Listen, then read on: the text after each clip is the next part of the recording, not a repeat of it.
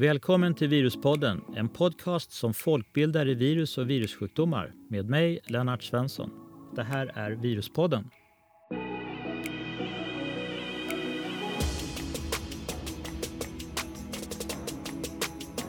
Hjärtligt välkomna till Viruspoddens första avsnitt 2023. Den här vintern har vi inte bara haft fortsatt drabbats av covid-19 utan även fått stor spridning av influensa och ett virus som heter Respiratory Syncytical Virus, men som i dagligt tal kallas för RS-virus. RS-virus orsakar luftrörskatarr som innebär inflammation i luftvägarna. Sjukdomen karaktäriseras av andnöd som kan leda till dödsfall, men väldigt i undantagsfall. Det finns för närvarande ingen specifik för behandling av denna sjukdom. Störst risk att drabbas är spädbarn. De kan bli riktigt sjuka med hosta och andningssvårigheter och kan till och från behöva sjukhusvård. För närvarande finns det inget vaccin som kan förhindra en RS-infektion, men det händer mycket på det här fältet. För att bena ut vad som RS-virus är och vad det kan ge för sjukdom gästas Viruspodden idag av virusexperten och professorn, infektionsläkaren Thomas Bergström från Sahlgrenska sjukhuset och Göteborgs universitet. Välkommen till Viruspodden Thomas. Tack.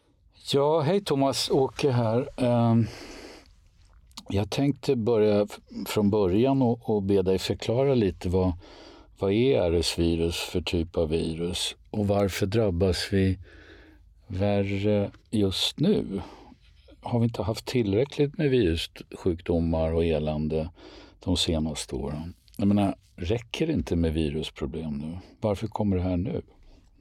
Ja, svaret är väl att det har funnits under väldigt lång tid och eh, att vi nu har problem med RS det hör lite grann ihop med att vi har stängt ner samhället delvis vad det gäller smittspridning. Och då ser vi någonting som vi faktiskt alltid har varje år extra tydligt. Och det är RS-toppar under eh, vinterhalvåret.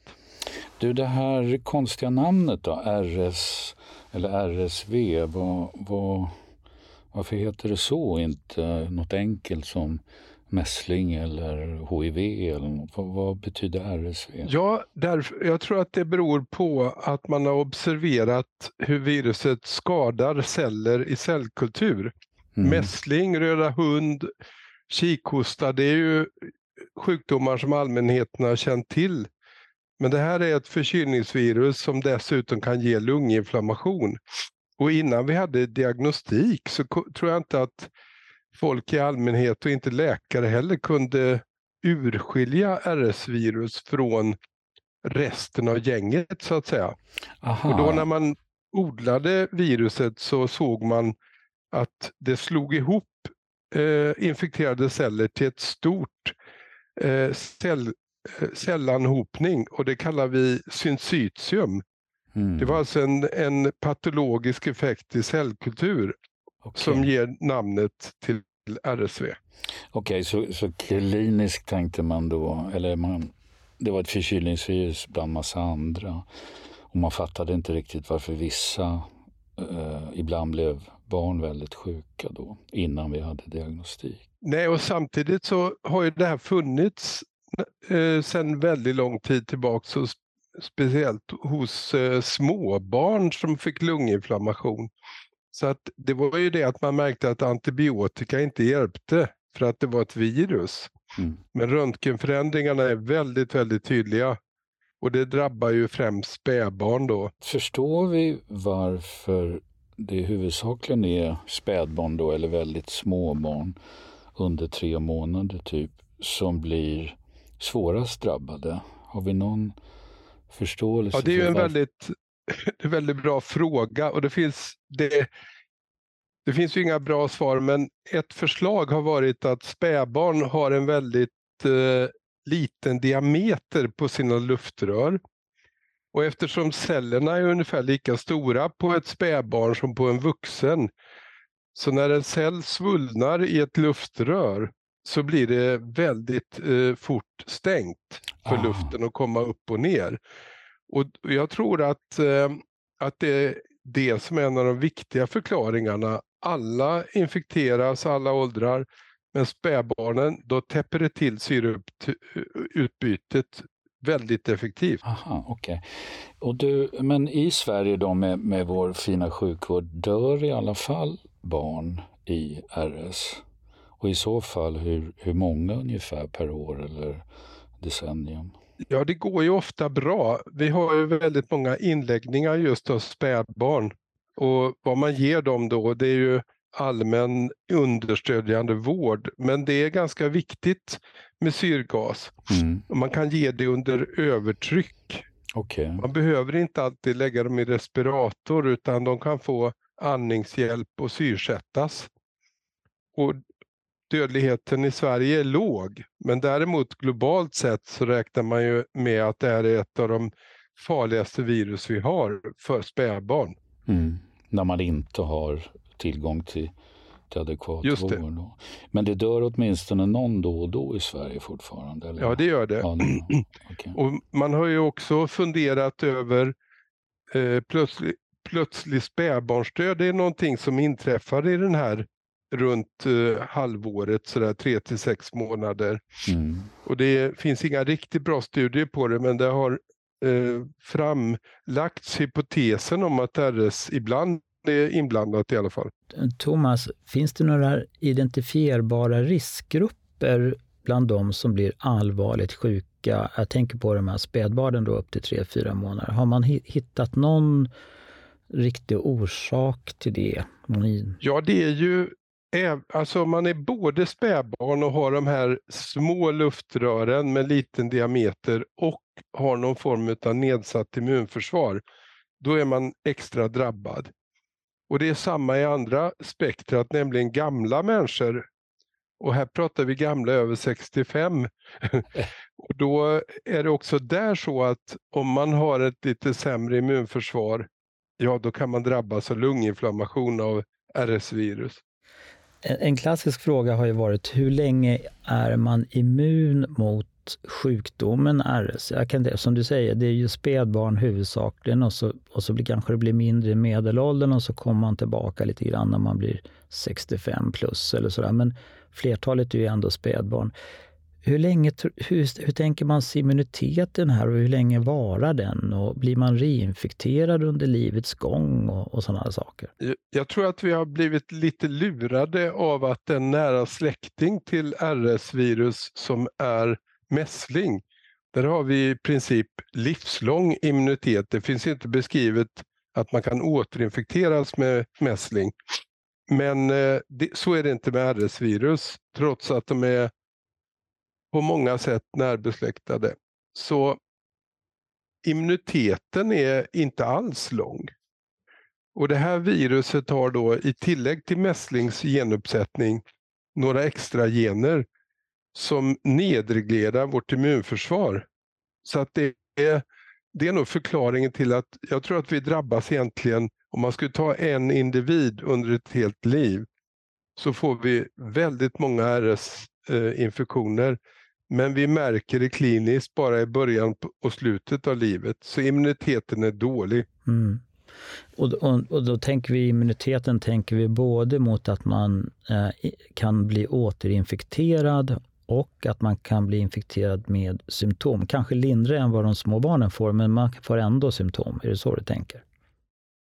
Exakt, det är ju så att om man får en eh, lindrig RS-virusinfektion i, i så att säga hela livet som mellan spädbarn och eh, ålderstillvaron så kan man inte skilja den kliniskt från andra förkylningar. Så att där har inte forskningen egentligen haft någon aktivitet. Så vi, vi kan bara anta att det är så att det är ett förkylningsvirus bland många andra i den åldern. Thomas, kan det vara så här att, att äldre som drabbas av förkylningsliknande symptom Eh, man tar ganska få kliniska prover på dem. Och då, nöjer, om man nu, då tänker jag inte att man kräver sjukhusvård, utan man, får, man blir snorig och ligger hemma och sådär. Det tas ju ganska få kliniska prover på medelålders, lite äldre personer, så de kanske har mer RS-infektioner än vad vi egentligen känner till. Alltså, jag tänker ett mörkertal här. Vad tror du om det? Absolut, men det märkliga är att i eh, efterföljden till covid-19 så har det kommit snabbtester som inte bara är corona utan även RS och influensa. Man har en trippel utav de tre och de proverna tas på akutmottagningar, i alla fall i Göteborg, jag tror säkert i många andra städer också. Och Det gör man för att sortera ut de här smittsamma patienterna på akuten. Och det är ju väldigt ofta äldre som är på akutmottagningar. Finns det någon sån här risk att, Ehm, ja det har vi hört från andra eh, vattkoppor och sånt där, kan äldre personer smitta sina barnbarn eller små barn som är tre, fyra? Finns det någon sån liksom att äldre smittar yngre? Eller vad känner man till om det? Ja, alltså det här är en eh, väldigt intressant fråga på barnkliniker. Om, om man, man vill ju inte gärna att äldre hälsar på om de är förkylda ny, till nyföddhetsavdelningar. Och det kanske inte bara är RS utan gäller väldigt många luftvägsvirus. Så att jag tror att forskningen här vid lag, den, den kommer ju att eh, ta fart därför att diagnostiken är mycket bättre nu. Så att man har inte riktigt kommit fram med de frågeställningarna. En annan frågeställning man har på barn det är om man kan lägga ihop barn med RS-virus och det gör man. Eh, när man har ont om platser så lägger man dem i samma sal och då tänker man att de kanske inte kan smitta varandra då. Och det är också en grej som man kanske skulle undersöka. Om det är så att det är, eh, att det är riskfritt att lägga ihop RS-barn. För det finns ju varianter utav RS-virus också. Det har en ganska snabb evolution. Vad, vad känner man till om det, eh, Thomas? Jag vet att det finns RSV A och B, men, men finns det några olika karaktäristiska egenskaper på de här, eller vad känner man till om det? Man har försökt att undersöka det men har inte, eh, det är väldigt svårt. De är ju så lika så att det är väl ungefär samma klinik. Men märkligt nog just genom eh, covid-19 så har vi ju sådana här sekvenseringsplattformar i Sverige och de har inte bara ägnat sig åt att sekvensera covid-19 utan det finns väldigt mycket information om RS-virus också som inte är publicerat men som, som är tillgängligt. Så att det här kommer att bli ett hett fält. Och särskilt med tanke på att man kommer att introducera vac vacciner inom de närmaste åren. Ja, precis, vi kommer in lite på det här temat med vacciner, för det har ju hänt en hel del på de eh, senaste åren på detta. Eh, vad ligger vi i forskningsfronten när det gäller vacciner och vem är det som ska få vaccin? Hur är det tänkt? Liksom? Ja, jag tror inte att Folkhälsomyndigheten riktigt har börjat att fundera över de här frågorna ännu för att vacciner har ju inte varit tillgängliga. Det var ju på 60-talet hade man vacciner som inte alls fungerade bra utan tvärtom eh, kanske till och med gjorde saken värre. Men nu kommer det flera vacciner som är, eh, har en helt annan mekanism. Man går alltså på fusionsproteinet, det proteinet som virus tar sig in i cellen eh, och mot en struktur som är väldigt, väldigt snabbt övergående som immunförsvaret inte kan se. Och då gör man, låser man den strukturen så att immunförsvaret kan förstå att den här strukturen ska vi attackera. Och då har man gjort, eh, apropå din fråga om vilka som ska vaccineras, så har man gjort en väldigt intressant eh, studie på gravida kvinnor. Vi har ju sagt att det är tre månader som är värst ute, tre till sex månader. Då kan man skyddas om mamman har antikroppar. Och det vet vi från kikhosta. Där kan man vaccinera eh, gravida kvinnor och då skyddas barnet.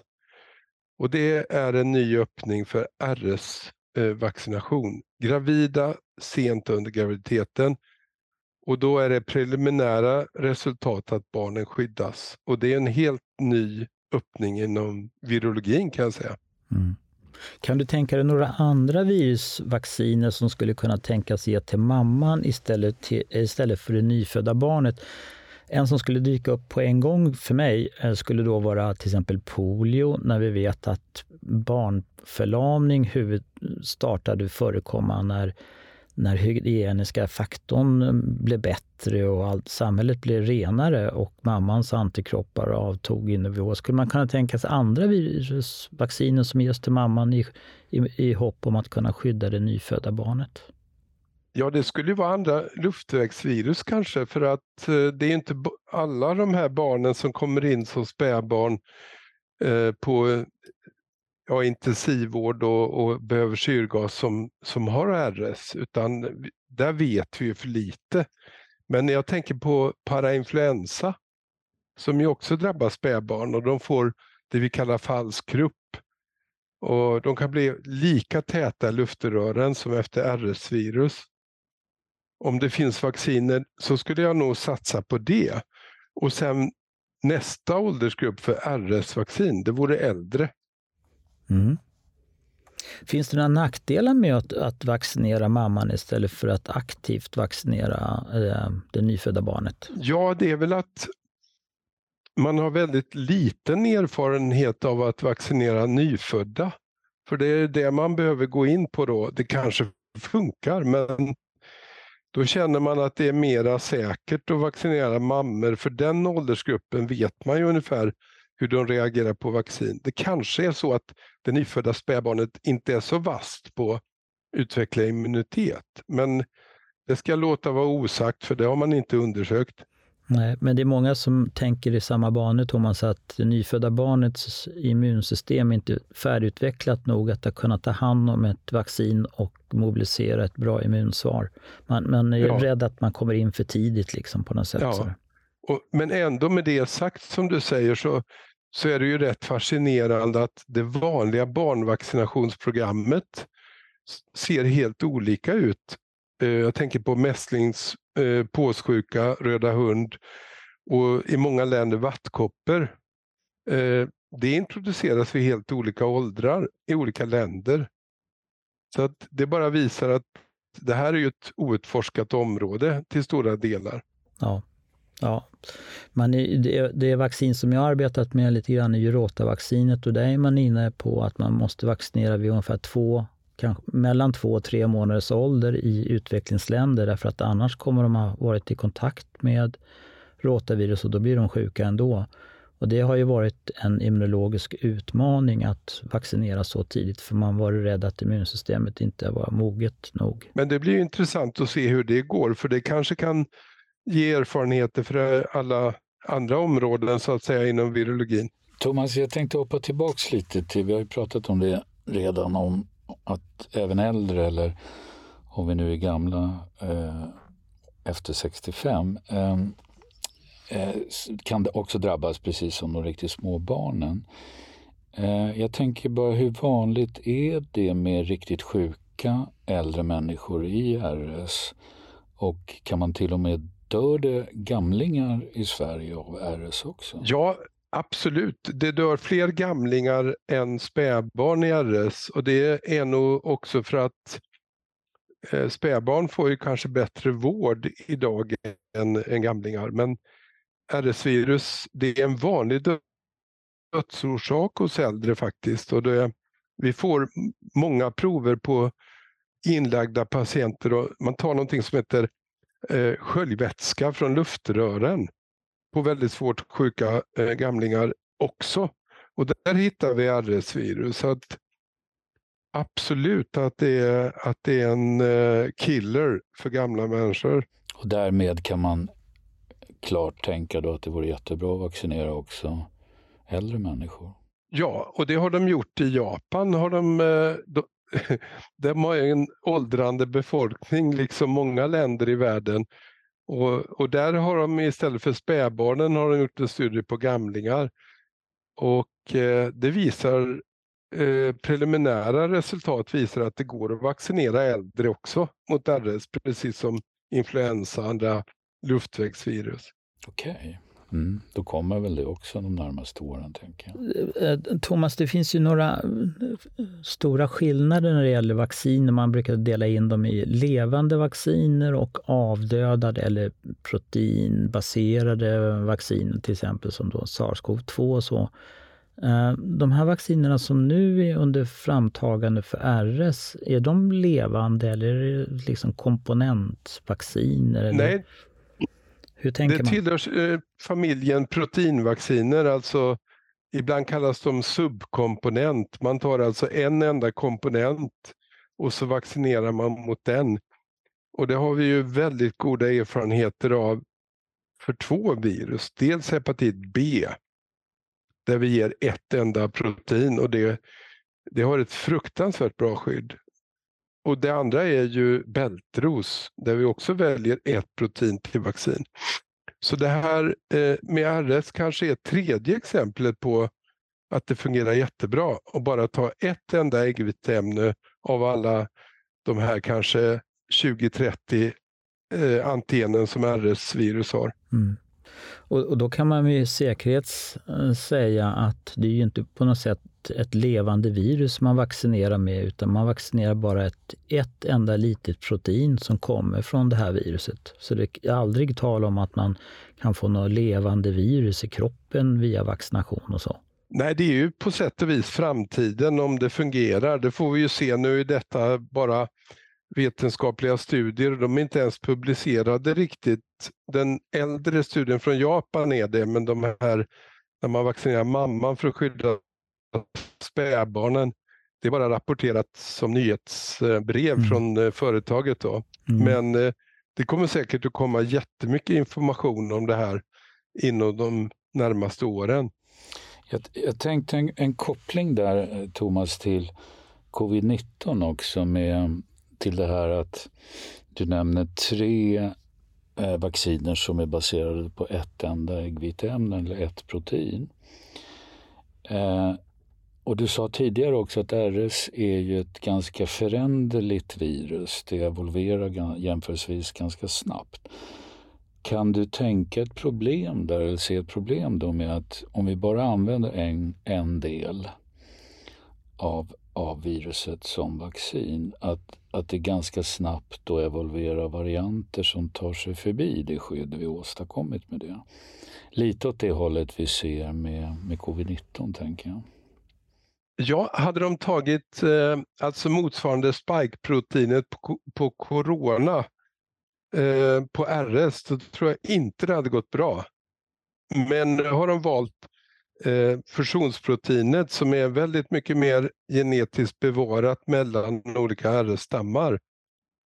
Och där tror jag virus inte kan mutera sig ur samma eh, grepp så att säga. Så att jag tycker att det verkar vara ett väldigt spännande val. Gör man några sekvensanalyser på just det här fusionsproteinet på RS? Ja, det kommer jättemycket data och en intressant eh, spin-off från covid-19 är ju att när de kör eh, djup, alltså massiv sekvensering på luftvägsprover så finns det ju sådana sekvenser tillgängliga från RS-virus. Och det är jättespännande. Det, det är ingen som har tänkt att det var syftet, men det, det är bara det är som att gå och skörda i en trädgård där allting växer väldigt bra. Liksom. Jag tror att det kommer mycket information och kanske speciellt från Sverige som har sekvenserat väldigt mycket. Mm. Ja, det är sant, det är information som man får gratis genom att man sekvenserar så mycket som man gör och eh, den vetenskapliga frågeställningen kanske kommer liksom långt, långt senare, men då har man information tillgänglig i varje fall. Om, om, du, om du fick bestämma, det är lite mer filosofiskt där. Vad, vad skulle, om du fick bestämma vilket vaccin som vi skulle behöva ha i närtid, vilket är mest angeläget? Av de som hittills inte har några bra kandidater för. Alltså, framförallt så tror jag ju att man ska ha en, den diskussionen som du tar upp här. Att den är väldigt viktig, att man har det eh, offentligt och trycker på lite grann mot Folkhälsomyndigheten. Eh, det kommer att bli lika många åsikter som jag har ju ett favoritvirus och det är vattkoppor som eh, barnläkare och jag har propagerat för länge och som vi var så nära att introducera vaccin mot innan covid-19 kom. Andra ser andra virus. Och om man ser globalt tror jag RS är bland det viktigaste. Men det finns en annan aspekt av det och det är att vi har fungerande virus som mässlingsvirus som inte används på grund av politiska kriser, krig och annat. Och det har varit något så otroligt välgörande för barnhälsan globalt. Så det är en annan aspekt, att vi ska bevara de vacciner vi har och inte glömma bort dem. Ja, jag måste passa på också Thomas och fråga när, när vi har det på tråden. Vad, om vi nu tänker att, att vi skulle göra något bättre mot covid-19 eller sars-corona-2-virus. Hur tänker du där? Skulle man välja någon annan komponent av viruset eller har man redan prövat så mycket så att det är pointless? Ja, det är lite utanför mitt kompetensområde faktiskt, men eh, det är klart att eh, man kan ju fundera, spekulera i möjligheten att kombinera RNA-vaccin och proteinvaccin. Ja, jag tänker ungefär likadant, att, att, att kanske kombinera en två, tre olika proteiner eh, och, och sen kanske som du säger, dels färdigt protein med eh, eh RNA.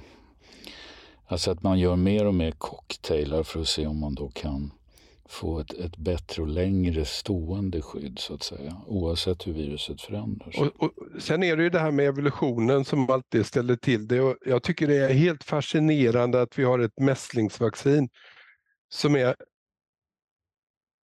baserat på en levande stam som isolerades på 60-talet och den fungerar jättebra.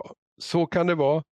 Och så har vi då andra virus som flyttar sig väldigt snabbt och som kanske inte alls det skulle funka på. Så man måste ju alltid ha en fot ner i den evolutionära strömmen och se vad, vad är det som händer med utvecklingen. Och den är helt olika för olika virus. Ja, plus att vi har en komponent till och det är ju långvarigheten av immuniteten. Som nu, vi var inne på i början där så så kan, det snurrar säkert en massa RSV i medelålders människor varje vinter. Precis som jag tänker de snälla inom situationstecken coronavirustyperna. Det är ju ett antal procent, ganska många ibland, av de vanliga förkylningarna som består av, av de här varianterna av coronavirus. Precis som adeno och en massa andra rinovirus och sånt där. Och för många av dem så måste det ju vara så att vi tappar i princip immuniteten från säsong till säsong. Skulle den vara ordentligt lång i alla människor, då skulle det ju försvinna. Så det, det, är ju dels virusets förändringsförmåga, men det är också vad det ställer till med människan när vi får en infektion. Ibland blir den ju väldigt kortvarig, som vi ser för, för covid-19. Det som verkligen understryker det du säger, det var ju hösten eh, 2021 när vi fick RS-virus i augusti. Vi har aldrig sett det så tidigt. Det brukar vara januari, februari, mars. Och då hade vi ju haft lite regler om att inte träffas lika ofta och liksom hålla på hygienen. Och det vi verkligen gjorde då, det var att tappa immuniteten mot RS-virus. Och där fick vi betala ett dyrt pris och särskilt barnklinikerna och de äldre. Alltså spädbarn och äldre. När inte det cirkulerar i befolkningen hela tiden, då tappar man immuniteten. Thomas, du är inne på något viktigt som jag försökt att kanalisera också. Jag tror ju att mm, flertalet av de virusinfektioner som finns blir vi reinfekterade mot kontinuerligt utan att för den skull få kliniska symptom som kräver mm, så kallad medical attention eller sjukhusvård eller någonting sånt där. Eh, och de viruserna som jag arbetar med, om man tittar på hur många som har antikroppar vid olika åldersgrupper så kommer det vara så att för vinterkräksjuka och rotavirus så har i stort sett 100 har antikroppar oavsett ålder Vilket gör att i min värld så har de här individerna blivit reinfekterade kontinuerligt under livets gång. Mm. Eh, tro, bortsett Norway är lite speciellt, men för rotavirus så är ju symptomatiska infektioner väldigt ovanliga bland vuxna.